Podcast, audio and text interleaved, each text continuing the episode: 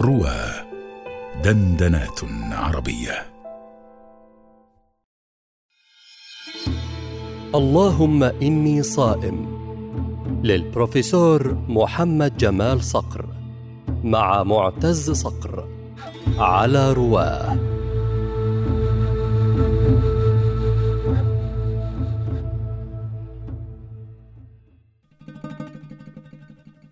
عجبا لمكتبات الفنانين والعلماء وكل أمرها عجب.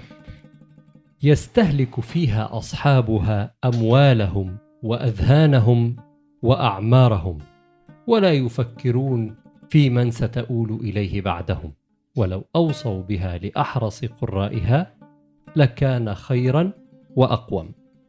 قبل أن نبدأ كان حديث قد دار بينك وبين آه، زميلي أشرف المخرج آه، حول هذه المكتبة إذ لفتته ولفته ذكر مكتبات العلماء بشكل عام حدثنا عن عن هذه المسألة خصوصا مسألة إلى من توصي أو أو تحب أن تؤول مكتبتك أو لمن توصي بها الأرض لمن يزرعها مم. والكتب لمن يقرأها مم.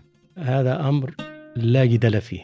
فإذا كنت من من أصحاب الفدادين تظن أنك تملك يعني وأنت بعيد عنها تقيم في مقام في مكان آخر فاعلم أنك موهوم الأرض لمن يزرعها والكتب لمن يقرأها. لهذا أنا أوصيت وصية شرعية في مكتبتي أن تتاح لمن يقرأها وحددت من يتابع هذا الانتقال أن تتاح لمن يقرأها. إما إذا كان من الأولاد من يتابع على الدرب انتقلت إليه وأتاحها للقراء. وإلا آه، انتقلت إلى آه، إلى كليتي أو ما أشبه. وأنا لست بدعا في هذا.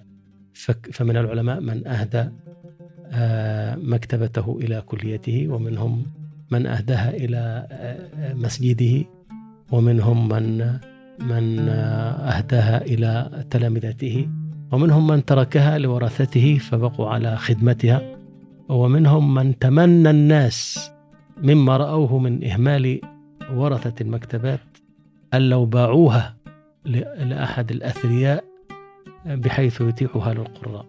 وكل هؤلاء أمامنا نعرفهم. يعني منهم من من من, من يتمنى الناس أن لو باع مكتبته بالملايين لصاحب مؤسسة كذا التي تجمع مكتبات العلماء لتتيحها للقراء وأنا قرأت في هذه المؤسسة وكنت أفتح الكتاب لأيد ختم صاحب المكتبة هذه مكتبة فلان. ذهب هذا الثري فاشتراها. وأستلطف هنا أن أذكر أن هذا الثري ذهب إلى زوج الأستاذ محمود محمد شاكر آه، يطلب أن يشتري المكتبة بملايين. فأبت عليه لأن لأنها كانت ترى أنه ما دامت المكتبة في المكان تشعر بوجود الأستاذ محمود. قالت ولكن من أجل ضيافتك يعني أتيح لك نسخة من لسان العرب آه، وعليها تعليقاته وهنا نعود إلى التعليقات التي ذكرناها من قبل. فأكرمته بنسخة من من آه، لسان العرب وفيها تعليقات أستاذ محمود على ألا ينشرها. والمكتبات متاحة.